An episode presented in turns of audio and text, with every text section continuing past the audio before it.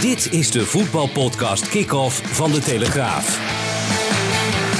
Met chef voetbal Valentijn Driesen en Pim CD.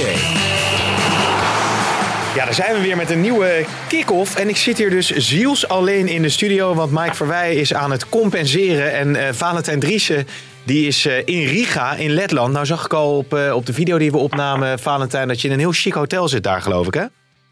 Ja, dat kan je wel stellen. Ik zal even kijken hoe het nou eigenlijk precies heet. Eh poep, poep, poep. Ja, dan vraag ik me wat. eh, het is iets van bij Radisson. Oh? Puntje, puntje bij Radisson. Oh, Radisson is wel, eh, wel een goed niveautje, dus dat is, dat is lekker. We gaan het natuurlijk hebben over de wedstrijd van vrijdagavond uit bij Letland. En maandag de kraker in de Kuip tegen Gibraltar. En we proberen zo Mike Verwij stiekem toch nog even te bellen over de keeperssoap bij Ajax. Benieuwd of dat lukt, of die echt vakantie aan het vieren is. Maar eerst, eh, Valentijn, ben je die wedstrijd al een beetje aan het imagineren? Park In heet het. Park Oh. In bij Radisson. Oké, uitstekend. Dus, ja. ken je dat? Eh, eh, nou, Radisson ken ik. Ja, Radisson Blue, dat is wel, dat is niet Ibis, Oh, zeg ja. maar. Dat nou, het is geen Radisson Blue, maar Park In bij Radisson. Maar nee, het is goed joh. Ik heb een upgrade gekregen en uitstekend. ook weer het vliegtuig en de upgrade. Dus ik heb eh, niets te klagen deze twee dagen. En wat houdt het maar dan in? imagineren, hè, vroeg je. Ja, maar ik, zit, Nee, probeer me eh, eerst even te imagineren hoe die upgrade er dan uitziet. Want hoe zit jij dan in het vliegtuig? nee, ik, ik, sorry. Ja, ik probeer me te imagineren hoe die upgrade en die hotelkamer er dan uitziet. Oh, daar, daar ben je al mee bezig. Oké, oké. Nee, ehm, nou ja, doe, doe je best zou ik zeggen. Eh, ik ben me niet aan het imagineren hoe jij erbij zit. Want ik kijk nu naar de definitie van imagineren. Ja. Oh, verzinnen. Staat er ook. Ja. Verzinnen. Nou, ik kan me daar wel wat Oh, bij voorstellen, ja. Hoe dat ja, dan ja, gaat. voorstellen staat er ook. Ja, Inbeelden. ja. Nee, eh, ja. nou, daar ben ik allemaal wel mee bezig, maar niet met betrekking tot het Nederlands elftal. Nee, maar, maar doe dat even voor En mij. waar, waar wel mee, dat eh, gaat jou eigenlijk niks aan. ja, ja, imagineer wel even die wedstrijd voor mij. Nederland, Letland uit, toch altijd lastig, hè? Oostblokland, Ja. noem het maar. Ja, ja, ja allemaal dat slappige lul. Het is allemaal eh, het, het aapnoot-miesverhaal als we tegen Letland spelen. En maandag krijgen we weer een aapnoot-miesverhaal. Als we tegen Gibraltar spelen. Kijk, het gaat er gewoon om. eh, het Nederlands zelf heeft genoeg kwaliteit om deze wedstrijd gewoon winnend af te sluiten. Die letters stellen niet veel voor. Dat hebben we gezien eh, in de wedstrijd in maart. Eh, in de Johan Cruijff Arena werd het 2-0 voor Nederland. Nou, eigenlijk volgens mij geen enkel schot op doel hadden die letten. Dus ja, het, het, het zijn de moedjes van de, de kwalificatie. Wat dat betreft kijk je liever naar de wedstrijden voor de Nations League. Hè. Nou. Twee jaar geleden deden wij mee met Ja. Engeland en Portugal. En nu afgelopen week zijn we natuurlijk wel verwend met, met topvoetbal. Ja, want ik, ik, ik zat erover na te denken toen ik eh, België tegen Frankrijk eh, zag. Eh, wij zetten het Nederlands elftal met lopers in om Memphis Depay te ondersteunen.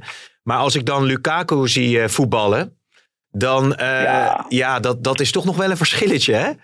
Ja, en Benzema. Ja, Mbappé. Mbappé. ja. Ja, is echt eh, eh, genieten. En eh, wa- wat wel opmerkelijk is, tenminste ik weet niet of het opmerkelijk is.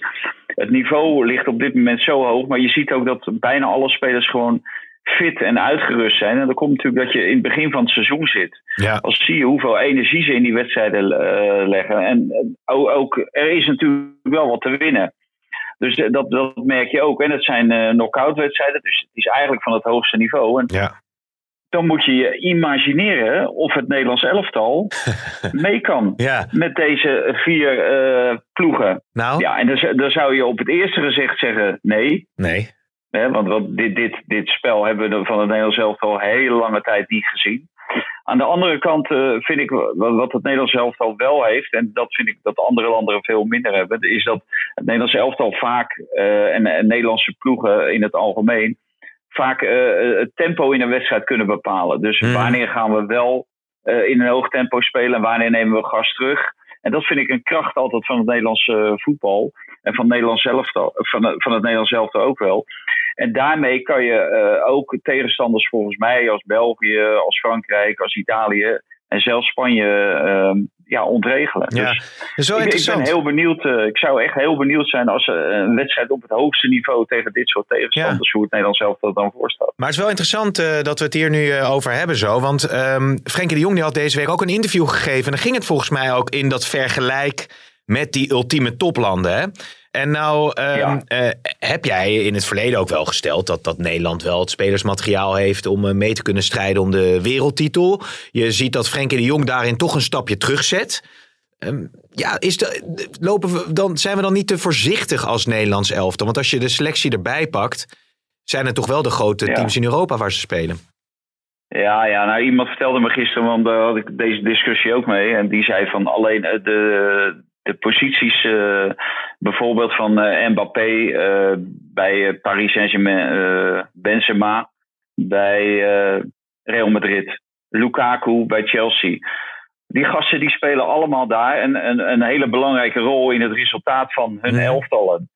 En dat is bij de spelers van het Nederlands elftal natuurlijk een stuk minder. Dat Ja. hadden we natuurlijk ook zo graag gezien bij Frenkie de Jong. Dat Frenkie de Jong Barcelona eh, bij de hand neemt om daar gewoon prestaties neer te zetten. Ja, Ja. en dat lukt niet. Dus die, die, die spelers van het Nederlands elftal, ja, eh, denigerend gezegd, die hobbelen allemaal mee bij hun club. Ja. En dit zijn allemaal spelers die het verschil maken bij hun club. Dus daar, daar ligt wel een verschil. Maar wat Frenkie de Jong ook zei, en dat, daar ben ik het ook wel met hem eens. Volgens mij kan dit Nederlands elftal echt van iedere tegenstander winnen. op het moment dat het even wel draait. Ja. te- tegen Italië hebben ze dat bewezen, hebben ze weliswaar niet gewonnen. Maar ze hebben ze een hele goede wedstrijd gespeeld onder Frank de Boer toen nog in Italië. Volgens mij was dat in eh, Atalanta. Ja, Of eh, klopt. nee, ja, Bergamo. Bergamo inderdaad. Ehm, ja, en eh, hoe heet dat, twee jaar geleden natuurlijk ook gewoon gewonnen van de wereldkampioen Frankrijk. Engeland, de halffinalist van het WK verslagen.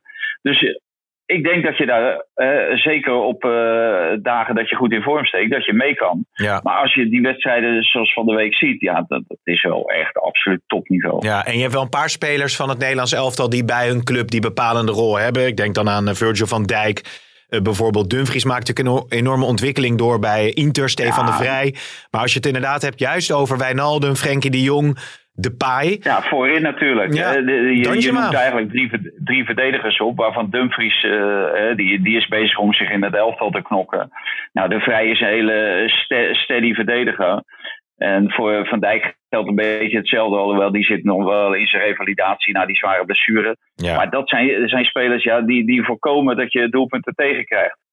Niet dat dat altijd even goed lukt, maar dat, dat proberen ze in ieder geval. Terwijl Ja. je moet natuurlijk hebben mensen die het verschil voorin maken. Ja, Ja. Daar lopen er gewoon te weinig van rond in, Ja. eh, in het Nederlands elftal. Wat dat betreft was er een interessante... De paai, de paai eh, maar ja, die, die zien we de laatste weken natuurlijk ook weer niet bij Barcelona. Nee, nee, want, want over de paai gesproken, die maakt eigenlijk een hele slechte reeks door ook met Barça de laatste weken. Is het daar nog veel over gegaan eh, in Letland? Nou, dat is een hele leuke vraag die je stelt. Maar eh, ik heb er eigenlijk geen eh s'nachts van begrepen. Omdat eh, de verbinding een beetje wegvalt tussen Of het nog... Of het nog Riga en Amsterdam. Ja, ja, ja. Doe het nog Riga, maar een keer. Riga, Riga, hier Amsterdam.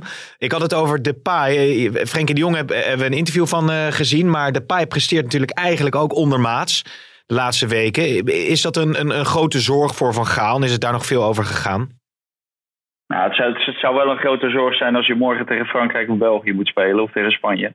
Maar als je tegen Letland moet spelen en Gibraltar, eh, hoef je je nergens zorgen over te maken. Dus nee, dat, dat lijkt me niet. Dat, Nee. die, die zorgen die, die zijn voor morgen, die zijn voor tijdens het WK. Ja, Over een jaar. ja. Eh, de- de- deze wedstrijden moet je gewoon winnen. En dan volgende maand moet je je kwalificeren voor het WK. En dan ga, en dan ga je werken om, eh, om dat niveau te halen. Dus Ja. eh, En dan is het ook aan die die spelers om... zorgen zijn nu niet op zijn plaats. En dan is het ook aan die spelers om toe te groeien naar een topvorm. Dus wat dat betreft hebben ze misschien nog even. En zeker eh, zal Ja, het, eh, en, en, en dat, ja. dat toernooi is ook, eh, dat is in november, hè? dat is eh, over eh, 13 maanden, Eh, november, december. Dus dan zijn die spelers ook nog fris en alles. Ja. Dus ja, ik moet je eerlijk zeggen, eh, het, eh, het belooft wel wat, eh, dat WK. En eh, heel anders dan aan het eind van het seizoen. Aan het eind van het seizoen dan zie je, dat- dan moeten ze zich eerst wat afreageren, daarna weer opladen op zo'n toernooi, voor zo'n toernooi. En dan, dan, ja, dan heb je altijd het idee dat dus er moet eigenlijk meer in zitten. En, Ja. ja. dus wat dat betreft is het leuk dat er nu een keer een WK in november, december is. Ja, precies. In het altijd gezellige Qatar. Maar ik wou zeggen dat Haaland. Dat is wat minder, maar... ja, ik wou zeggen dat Haaland niet meespeelt met Noorwegen in de komende interlands, cruciale interlands. Dus wat dat betreft ziet het er voor het Nederlands elftal sowieso goed uit om het WK natuurlijk gewoon te gaan halen. Um, over de opstelling nog even, Valentijn. Um, Guus is dan de aangewezen persoon om als loper achter de paaien te gaan spelen. Sowieso wel interessant om hem langer in het Nederlands elftal te zien, denk ik. Ja, hij deed vorige keer heel goed hè, met zijn invalbeurt. Hij doet bij Feyenoord natuurlijk goed. Uh, scoort ook uh, redelijk makkelijk. Maar de, de bedoeling is natuurlijk dat uh, de paai gaat functioneren. Nou, dat, ja, de, volgens Van Gaal hangt dat af van de lopen om de ja. paai heen. Nou ja, dat, dat is Guus Stil. En het lijkt mij een logische vervanger. Hè. Anders zou je komen bij Gravenberg, maar het is toch een ander soort, ja. soort speler. Of uh, Teun Koopmeiners. En dat is niet uh, een één op één vervanging. En volgens mij, uh, Van Gaal zei dat het allemaal niet zo moeilijk was. En een één op één vervanging is inderdaad het makkelijkste wat er is. Dus ja. zal Guus Stil zal gewoon in de basis verschijnen. Ja, wel kwetsbaar eigenlijk dat, je, dat het zo gaat om het ondersteunen van de paai. Dat geeft ook wel aan dat de aanvallende kracht van Oranje ook weer niet zo groot is. Ja, maar het is ook maar wat je jezelf wijs maakt. Hè. Van Gaal maakt ons dat wijs en probeert ons dat wijs te maken. En die probeert ons natuurlijk een bepaalde hoek in, uh, in te, te, sturen. En dat is de hoek van het 5-3-2. Dus dat we het uh, ook met 4-3-3 niet uh, gedaan krijgen. Dus dan moeten we 5-3-2 gaan spelen. Yeah. Alles op de paai, zoals in 2014 alle ballen op Robben. Yeah. En die moet dan het verschil maken. Zo, zo, ziet hij het natuurlijk voor zich. En die kant gaan we natuurlijk uiteindelijk gaan ja, we die kant zo? op. Want hij is, is de bondscoach. Is het zo dat we toch naar dat 5-3-2 gaan, denk jij? Ah, daar ben ik van overtuigd. Echt? Uiteindelijk gaat hij daarvoor kiezen. Ja, ja niet, niet in de aanloop na, hè. maar hij gaat zich dadelijk kwalificeren in november. Nou, dan heb je van november tot november heb je een jaar de tijd. En dan krijg je uh, nog wat wedstrijden in Nations League. En dan kan je alles uh, proberen wat je wil. Ja. Volop experimenteren. En dan gaat, dan gaat hij echt gaat hij toch ook uh, zijn eigen gang hoor. Ja, dan gaat hij toch proberen. En dan zal eh Louis van Gaal altijd zeggen... En die Valentijn heeft het heel goed gezien. Overigens, Valentijn, als ik die persconferenties zo beluister eh, deze week, dan, dan zit er een soort ritme in. Hè? De, de, dezelfde journalisten mogen dan bepaalde vragen stellen. Dan krijg je altijd Maarten Wijfels, die altijd de intelligentste vraag stelt. En die heeft, heeft dat dan goed voorbereid. Ja, over hoe weet jij het nog? Hoeveel corners eh, Nederland thuis tegen Gibraltar had gehad? Of tegen Letland? Tegen Letland, ja, 13. Dankzij Maarten. 16 waren het wat, wat, 16? Ja, Oh, ja. ik dacht 13. Ja, overigens wel. 16? Ja, of 13, maar het is wel grappig dat de spelers zelf daar dan, daar dan overigens weer wat minder over te zeggen hebben. Maar het viel toch op dat eh, Van Gaal ook weer een paar keer eh, stevig uit eh, de hoek kwam. Onder andere als het ging over Berghuis en later ook nog over een cameraman die een vraag mocht stellen. Je eerste keus voor rechtsbuiten is, is Berghuis. Die heeft natuurlijk sindsdien Ajax op 10 gespeeld. Daarvoor heeft hij helemaal niet gespeeld. Dus hij mag God op de blote knieën danken dat ik hem eh, in het Nederlands elftal drie keer heb laten staan. Maar Maakt het wat uit voor hem zelf, denk je, dat hij nu op een andere positie staat? Nee, Geel. nee. Want ik moet van Valentijn Driessen 1-4-3-3 spelen. Dus eh, ja, dan moet ik wel een rechte spits hebben. En die heb ik anders niet. Ik heb van hem gezien en dan zie je echt eh, een vooruitgang. Dus daar ben ik heel blij mee. Maar eh, ook dit soort opmerkingen van een bondscoach eh, zijn niet goed. Omdat je gaat praten over individuele spelers. En eh, ik vind de vragen impertinent. Want ik ga toch ook niet over jouw kwaliteiten als cameraman praten. Mag best, maar het lijkt me Ja, tuurlijk, nu mag het. Je hebt een grote mond natuurlijk, want het kan. Maar ik denk dat het niet kan. Hoe vind je nou dat hij zich manifesteert dan, eh, Valentijn, bij die, bij die persconferenties? Ja, nou, het is eh, van, Gaal, van Gaal ten voeten uit. Je weet nooit precies eh, in wat voor de toestand je hem aantreft. Maar ja, de, de ene keer is het een charme-offensief en de volgende keer dan, dan zoekt hij de confrontatie met de media. En, en alles, hè, dat hoor je dan achteraf. en hoor je van mensen die hem dan wat beter kennen. Ja, alles om die boel op scherp te zetten. En, dus het is, in feite is het gewoon eh, volkstoneel, goedkoop volkstoneel. Ja. Wel vermakelijk, ook vermakelijk om erbij te zitten. Ja, jij bent en, daar ook. daar jij- een ja, maar jij hebt, daar, jij hebt daar een rolletje in in dat goedkope toneelstuk. Dat is natuurlijk het hele ding. Ja, ja, ja, ja. ja. ja ik, ben, eh, ik heb de rol van, van aangever. Hè. Ja, Dus uh, wat dat betreft, uh, ja, ieder, ieder, moet zijn uh, rol spelen en ieder speelt zijn rol. Je gaf het net zelf al aan, er zit een bepaald ritme in die persconferenties. Alleen ja, gisteren hier in Letland, in Riga, ja, ik kreeg ineens de cameraman van Veronica en Seiten onderuit de zak. Nou, ja sloeg werk weer helemaal nergens op. Het kwam ook uit het niets. Ja. Maar hij had natuurlijk eh, het woord uh, Veronica Inside gehoord. En uh, hij zag die kop van Johan Derks en René van der Gijp en Wilfried Gené al voor zich. Dus hij denkt, nu moet ik even uithalen. Nou, normaal gesproken zit Len Hendricks er. Nou, die, die, die was er nu niet bij, maar daar is hij altijd poeslief en aardig tegen. En, uh, want ja, dat is een vrouw. En, en terecht dat hij heel aardig is. En dan uh, stelt uh, Joey Dekker, want dat was de cameraman, ja. die stelde een hele normale vraag over Matthijs de Licht. En dat wordt dan ineens vertaald als een impertinente Ja. vraag. Een Ja. hele brutale vraag. Ja, Hè, om een mooi synoniem eh, te gebruiken. Een duidelijk synoniem dat iedereen weet wat, eh, wat het verhaal eigenlijk bedoelde. ja.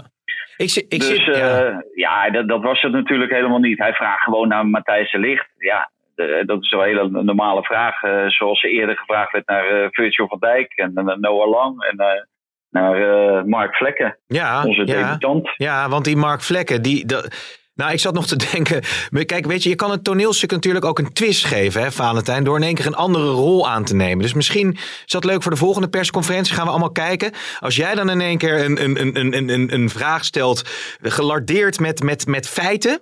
Hè? Of een compliment aan Van Gaal of zo. Is dat leuk? Ja, maar die feiten die, die, eh, die staan altijd in mijn columns. Want eh, kijk, eh, Van Gaal die roept af en toe nu tegenwoordig maar wat. Ik weet niet of dat met leeftijd te maken heeft, maar van de week riep hij ook maar wat. En eh, nu riep hij weer, eh, ja, Steven Berghuis heeft helemaal niet gespeeld. Nee. Ja, als je, als je dan even terugkijkt naar de wedstrijden, ja, dan heeft hij wel een aantal wedstrijden gewoon gespeeld. Alleen met Ja. Nederland zelf heeft hij minder gespeeld. Ja. Maar dat, dat had de zegen van, van de grote Louis had dat voor het EK, want dat heeft betrekking op het EK. Toen heeft Louis natuurlijk tegen Frank de Boer gezegd: tuurlijk, prima, ga maar 5-3-2 spelen. Ja, toen was er geen ruimte voor eh, Berghuis. Toen heeft hij inderdaad weinig gespeeld. Maar voor de rest, eh, ja, het, het valt wel op van van die, van die kleine eh Ja. missetjes. Er, er schieten, er Dat schieten ben ik me- eigenlijk niet gewend. Nee, er schieten me wat gedachten te binnen. Ik, allereerst, het is toch niet zo dat Van Gaal ze- heeft gezegd... Frank, ga jij maar 5-3-2 spelen. Ik bedoel, Frank de Boer is toch ook gewoon een autonome bondscoach? Die beslist dat toch zelf? Ja, maar hij, ge- hij geeft daarvoor zijn zegen. Ja. Hè? Want eh, Ja. waarom gaat een bondscoach anders langs bij Louis van Gaal? Eh, om het daarover te hebben. En van Ja. Gaal die is natuurlijk ook in Portugal nog een keer langsgekomen. Ja, Nou, en die, die vond het allemaal goed. En die, die gaf zelfs een groot interview in de Volkskrant. ja. Dat het allemaal goed was eh, hoe het ging. En eh, zo zou hij het ook gedaan hebben. En het beste systeem. En nou, het is natuurlijk een vars geworden. ja, ja. Maar we- we- weet je trouwens eh, dat eh, als Louis vanavond, eh, als hij het haalt natuurlijk, hè, en eh, daar ga ik wel vanuit hoor, onvoorziene omstandigheden daar gelaten, maar eh, dat hij de oudste bondscoach wordt in de historie van het Nederlandse voetbal. Oh, is dat zo? 70 jaar en twee maanden. Ja, hij gaat dik advocaat voorbij, ja. Dik Ja. eh, advocaat was zijn laatste interland. Moet ik even goed zeggen, heb ik ergens gelezen. eh, toen was Dick 70 jaar, 1 maand en 18 dagen. Oh, ja, ja. Word jij de oudste ana- analist, eh, denk je, van, eh, van het uh, Journaal Gilde dan? Dat is wel mooi als jullie samen optrekken nog even dan in ieder geval. Maar jij hebt nog wel even te Nou, gaan wat ben, dat betreft. ik ben denk wel een van, ik ben denk wel een van de Ja. oudste nu. Over, overigens, zo zitten we gezellig de klok rond te praten. Maar wat mij nog wel opviel was eigenlijk een heel schrijnend verhaal. Wat jij, eh, nou ja, toch, toch een pagina verder bij Telesport schreef over Guus Hiddink. Eh, die natuurlijk ook die Ja. wedstrijd eh, bij Letland uit nog gewonnen had. En later zijn, co- zijn congé kreeg in Zuid-Frankrijk. Maar ik vond het toch wel pijnlijk om te lezen. En dat is misschien eerder al wel gezegd en geschreven. Maar dat, dat hij echt een beetje als een oude, warrige man werd gezien. Hè, door Bert van Oostveen toen de tijd. Die hem dus heeft ontslagen. Ja, ja maar, maar ook door de spelers. Ja. En, en, ehm, en teammanager Hans Jorisma, die ging natuurlijk, eh, ja, die, die zat er bovenop. Die zat er met zijn neus bovenop. En die heeft natuurlijk alles waargenomen. Ja, en die heeft natuurlijk op een gegeven moment ook, eh, is die gevraagd eh, om zijn mening erover te geven.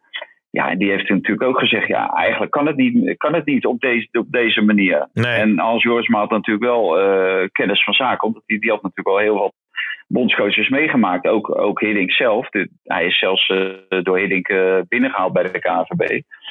Dus die, die vond op dat moment ook, ja, het Nederlands elftal kan eh, op deze manier niet verder. Nee. Ja, en daar, daar heeft eh, Bert van Oostveen, eh, die heeft zich, ja, die heeft zich toen sterk gemaakt voor, voor het ontslag van Hiddink. Ja. En de- die mocht hem ook ontslaan van de Raad van Commissarissen.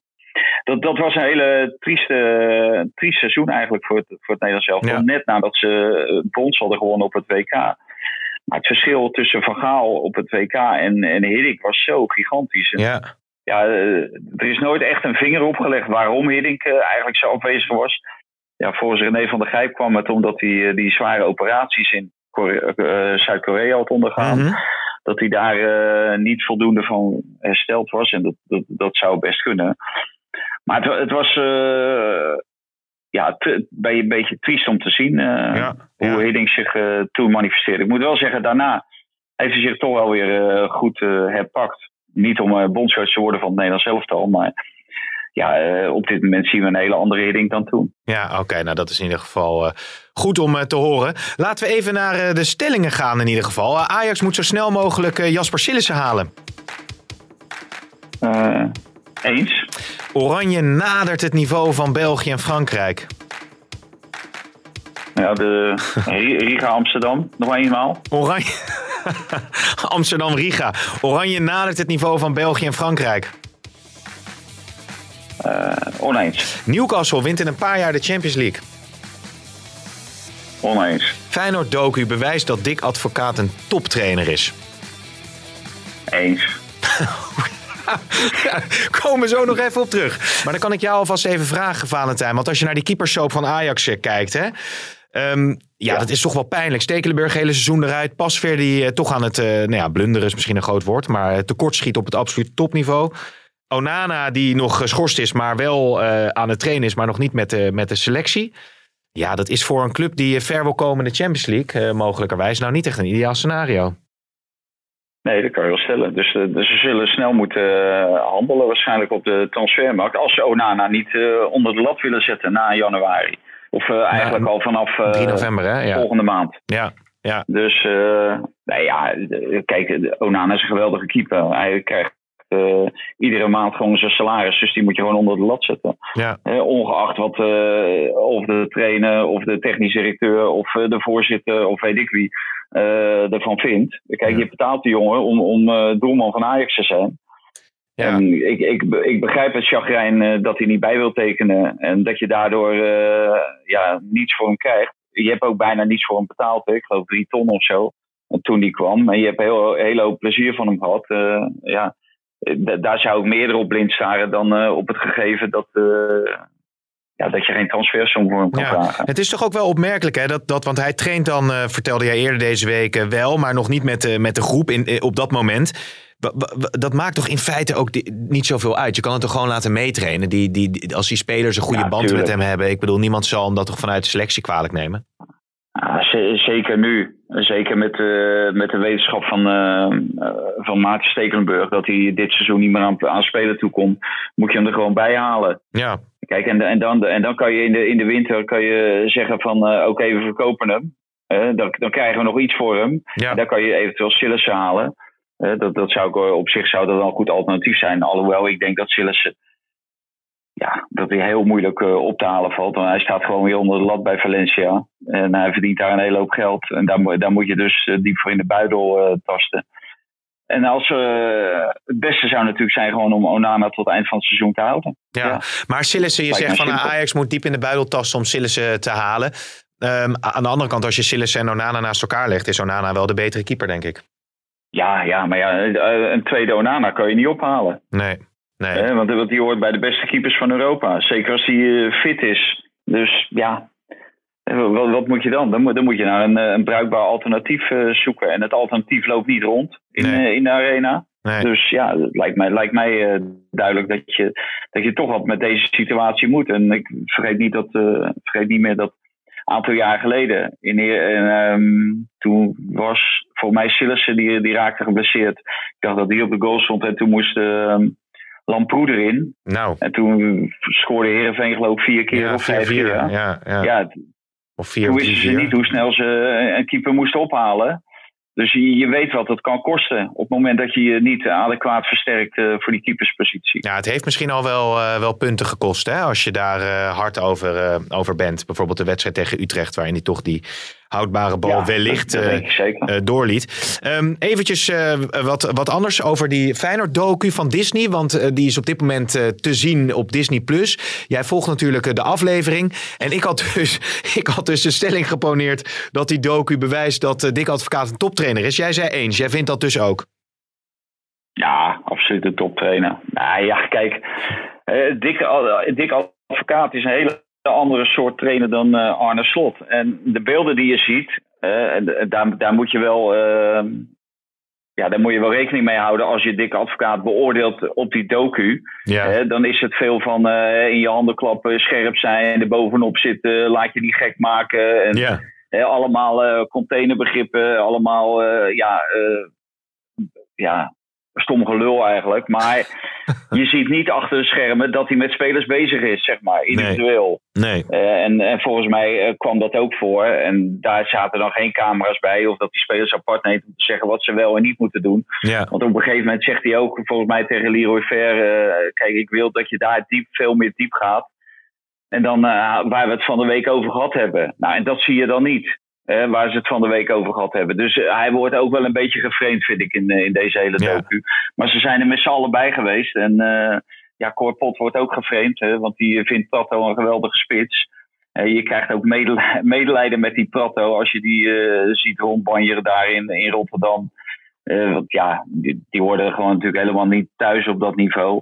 Nee. En, eh, en je ziet eh, hoe Frank Arnezen, hoe die, hoe die zich laat gaan tegen de directie van AZ. Die hem niet zien staan nadat hij slot natuurlijk heeft benaderd. terwijl hij nog een contract had bij, bij AZ. Ja, het, het is, eh, ik moet zeggen, ja, ik heb met veel genoegen kijk ik ernaar. En ik, ik vind wel dat eh, ja, sommige mensen die worden, worden op een bepaalde manier neergezet. En ik vraag me af of dat wel eh, helemaal conform de werkelijkheid is. Ja, Dat- dus dat- jij, jij, is, jij, wel. dus jij denkt echt dat die, dat die Disney-regisseur, of wie dat dan ook is, dat, dat, dat, dat, dat advocaat bewust negatief wordt afgeschilderd, omdat dat voor Nou, het ik zeg effect jou wel, dat, dat, dat wel lekker is voor het effect. ik, eh, ik, zeg, ik zeg niet be- bewust, maar eh framen is, is eh, dat, dat heeft altijd de klank van iets bewust. Maar dan bedoel ik gewoon dat hij op een bepaalde manier zichtbaar is. En wat Ja. niet. wat wel een beetje geweld doet denken aan hoe dit Ja, werkt. ja, exact. Aan de andere kant, op een gegeven moment wordt hij geïnterviewd. En zit hij in zijn grote, ver- verzuipt hij in zijn grote Engelse vaartuig. Ja, En dan, dat, dat, ja, da- daar zie je de, de echte dikke advocaat. Eh, eh, kort, scherp, eh, overal bovenop zitten, maar ook lachen en met humor. En ja, dat, dat is veel meer advocaat dan eh, alleen maar neer te zetten als Ja. iemand die eh, wat open deuren intrapt. Dat was een ontgoocheling. Omdat ik. Kijk, ze kunnen gewoon tegen mij alles zeggen. Ik bedoel, als het reëel is, dan moet, dan, moet, dan, moet- dan moet je het zeggen. Waarom niet? Je moet geen verstoppertje spelen. Eh, maar dit, dit, dit begreep ik helemaal niet. Omdat we juist in die wedstrijd juist aardig speelden. ja. Dan kunnen we misschien nog wel even James Last... We hadden een luisteraar, eh, Valentijn, die zelfs eh, James Last echt eh, had gemist. Zei die in een, eh, in een aflevering. Overigens eh, garandeerde producer hij mij dat James Last er wel degelijk onder eh, zat. Nou, we kunnen er nu weer eh, van meegenieten. Overigens, nu we het toch over luisteraars hebben, wil ik graag nog even de groeten doen aan Frank. Want eh, Frank die kwam ik afgelopen week in een café tegen. En als Frank niet kan... Die, die, die herkende mij puur van stem, eh, Valentijn. En als Frank niet kan slapen... Hij heeft een beetje last van slapeloosheid. Dan zet hij dus de, de podcast kick-off eh, op. Wat voor... Dat is echt waar, is geen geintje. Want dan valt eh, Frank... die gozer zijn naam noemen, die, die jou belachelijk maakt. Nou, dat, dat valt eh, Frank, dan valt hij alsnog in slaap. En Frank zei overigens ook nog Ja, daarom. dat, dat hij af en toe kromme tenen krijgt van onze podcast. Toen zei ik, maar Frank, daar doen wij het juist voor. Want je moet toch een beetje, hè, je moet bepaalde gevoelens eh, opwekken bij eh, de luisteraars. Ja, maar mensen die heel positief zijn, die noem je niet. En dan, en dan zat zo'n zo'n Frank, zo'n flapdrol in, een café, die roept dat hij in slaap valt bij onze eh, podcast. eh, die, die ga je dan een podium geven. Wat is er voor gekkigheid? Ja, maar goed, hij vindt het ook lekker. Ik weet nog niet of hij meteen in slaap valt of wanneer hij in slaap valt. Dat is natuurlijk ook nog, nog de vraag. Hè? Maar ehm, eh, wat ik wilde zeggen nog even is, want Dick Advocaat die speelde 0-0 met Irak tegen Libanon. En Ja. Bert van Marwijk heeft verloren met 1-0 van de Ja. Emiraten. En eh, daarmee is eh, kwalificatie voor het WK verder uit zicht verdwenen in een toch lastig pool met ook Syrië. En eh, Zuid-Korea onder andere. Ja, ik word daar wel een beetje verdrietig van als ik dat dan allemaal zie. Ja, ja, ja, ja. En ze zit ook bij Saudi-Arabië, toch? Ja, ja, volgens mij ook, ook ja. bovenaan. Ja. Samen met Zuid-Korea. Nou, plaats 1 en 2 is volgens mij directe Ja, kwalificatie voor het WK. Nou, dat, dat zit er niet in, voor allebei niet. Eh, aanstaande dinsdag gaan ze elkaar nog afmaken. Dus Ja. eh, dan valt er één eh, definitief af. Want eh, plaats nummer 3 die geeft volgens mij recht op eh, 25 eh play-offs. ja, ik heb dat die je moet artikel zien te heb ik, eh, overleven om alsnog eh Ja, ik heb, in het Qatar te ik komen. heb dat artikel 14 keer moeten lezen om, geloof ik, precies te begrijpen wanneer je nou voor dat WK in Qatar kunt eh, kwalificeren. Oh. Maar dat Waar is stond dat artikel? op in de Dat Telegraaf. niet bij ons in de krant. Ja, wel, zeker wel. Dat is, dan ga je ook je eigen eh, werkgever Nou, ook nog even... het, was, het, was even, het was even lastig voor mij om nou precies eh, de, de, de, wat is het, de Pacifische of, of welke kwalificatiereeks eh, is dat, te doorgronden. Ik heb dat nou niet helemaal in mijn hoofd zitten. Dat is hetzelfde als met eh Curaçao. Hè? En wanneer ze nou wel of niet het, eh, het WK halen. Ja, die, die liggen er al een tijdje uit hoor. Ja, dat is waar. Dat is waar. Maar goed, ik wou zeggen dat er toch iets... Dat wist je wel. dat wist ik wel. Ja, nee, zeker. Nou, Frank wordt op zijn wenken bediend, want ik word hier gewoon toch weer, weer te kakken gezet. Curaçao zit in een wak, zou ik maar willen zeggen. Maar goed, maar dat viel mij in ieder geval op. Anthony, heb je dat nog meegekregen, Valentijn? Ja, winnende hè? Nou, de drie- 89e minuut of zo, de 3-1 laatste minuut. volgens mij eh, gemaakt eh, in zijn eh, Ja, debuut ja, ja. in de ja, Seleção. die, zet zich, die zet zich wel even op de kaart. Ook in eigen land. Betekent Goed, dat, goed, dat, voor, goed voor Ajax. betekent dat, dat hij na dit seizoen weg is?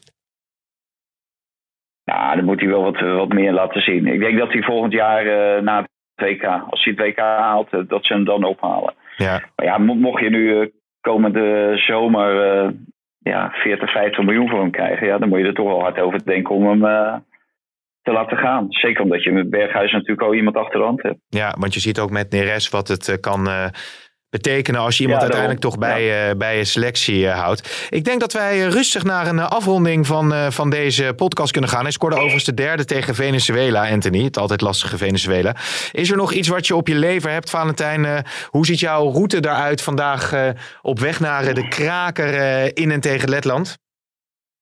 Nou, dan zou ik dadelijk even Google Maps open doen. En dan zie ik dat ik. Ze hebben hier geen Uber, maar ze hebben hier eh, Bolt. Ja, dat kennen wij, hè? en ik heb gisteren ongeveer eh, een kwartier in een taxi gezeten voor 3 euro Ja, naar het stadion. ja. Dus eh, ik, ik denk dat mijn route er zo vanavond ook weer uit komt te zien. Oké, oké. En column Kief maken, Colin Pikieft. ben ik wel hard mee bezig. Wordt echt een hele goede column over houdingjes. Oh, iedereen weet dat Wim heeft daar natuurlijk. Ja, die heeft daar altijd problemen mee. Met mensen die zich niet eh, voordoen eh, zoals ze werkelijk zijn. en op wie doelt hij Dus die een dan? houdingje aanmeten. En dan mag jij invullen wie, eh, over wie het onder andere gaat. Noah Lang. Nee, nee. Oh, ben ik wel benieuwd wie dan een houdingje aanneemt. Een speler gaat het dan over. Nou, Louis van Gaal. Oh, Louis. Nee, meen je dat nou? Gaat het over Louis van Gaal? Wat, schrijf, schrijf, maar jij schrijft die columns, hè, voor de duidelijkheid. Eh, Hoeveel input heb je nou uit? Nee, ik, ik, ja, maar hoe dat? Wim die eh, dicteert ze en ik eh, tik ze in. Ja, oké. Zo is goed. Dat we Hey, daar geen misverstand over, over bestaan. we, we doen nog even ik Hein. schrijf al genoeg columns hè, per week. Zo is het. En, en Hein, de producer, die is aan het toveren op een nieuwe rubriek... waar we de luisteraars binnenkort mee gaan verblijden. Namelijk Valentijn voorspelt. Waar we natuurlijk ook eh, heel veel eh, commerciële deals mee kunnen gaan sluiten. Maar eh, durf je het nog aan? Eh, eventjes Letland-Nederland, wat gaat het worden? Ja, ik, ik schaar me achter Samson, die hond van Gert. 4-0. ja, die ik overigens had geïnterviewd gisteren. Dat was wel een van mijn hoogtepunten Ja, uit mijn journalistieke carrière. Ja, hoe, hoe was dat nou om, om gewoon een hond te interviewen? Nou, ik moet eerlijk zeggen dat, dat ik eh, in de, de, de lijst van... op een gegeven moment komt er dan zo'n... eh, wie, wie, doet, wie interviewt wie eh, deze week en zo. En dat wordt dan allemaal bepaald. En ik had eigenlijk me helemaal niet verdiept in het feit. Ik zag staan Samson en ik denk van... nou ja, leuk, die doe ik wel. Totdat Ja. ik inderdaad op die dag... sterke man. Totdat Samson. ik, totdat ik inderdaad op de dag zelf zag... nou, ik ga eerst Martin Visser over de energiecrisis spreken... En daarna heb ik nog Jan Uriot. En god Samuel, ik ga gewoon echt met die, eh, met die hond eh, praten. dus ik denk, mijn hemel joh. Hoe moet ik dat nou doen? Maar eh, Ja. ja, en, en, en laten we wel wezen. Ik bedoel, kijk, als, als je aan jou een vraag stelt, dan komt er nog eens een lekker uitgebreid antwoord. Maar die Samson zegt Ja. alleen maar wow, wow, wow, wow. En dan is het hij ook. dus, dus je bent enorm aan het pushen. Want die Marie is dan die dochter van Gert. Nou, daar komt ook niet heel erg veel uit. Dus ik moest, Nee. echt van, ik moest echt dat interview naar de finish. eh, Maar die, maar die, buik, bij die buikspreker, die kan je toch wel een schop onder zijn reet geven. Een beetje peper in zijn reet houden, dat hij wel wat roept. Nou, ik weet nou niet of ik alles mag zeggen, want het is natuurlijk het best bewaarde Oh. geheim van België en Nederland. Oké. Maar laat ik het zo zeggen dat, Jij weet dat. laat Jij ik zo dat. zeggen dat eh, de positie onder de desk niet echt comfortabel was. eh. Nee, nee, nee, nee. maar je broek zat wel omhoog. Nog. ja, nee, zeker. Ja. En nee, goed, gelukkig. laten maar we... weet, weet je dat ik jou een hele grote toekomst voorspel? Want ik zal jou vertellen Ja, dat degene die ooit eh, Bonfire heeft geïnterviewd. ja Christian Rusink. en de WK-bal. Is gewoon Rusink. hoofdredacteur van de Algemeen Dagblad Ja, geworden. en daarna hoofdredacteur van VI en eh, nu doet hij weer En daarna hoofdredacteur van VI. En sindsdien is hij in het niets verdwenen. Dus eh, er zit nog een grote toekomst. En, Ja. een, eh, en de rest zit er ook nog wel in voor jou. Ja, zo is het. Oké, Valentijn, veel plezier bij de wedstrijd en we spreken elkaar later weer. Dankjewel.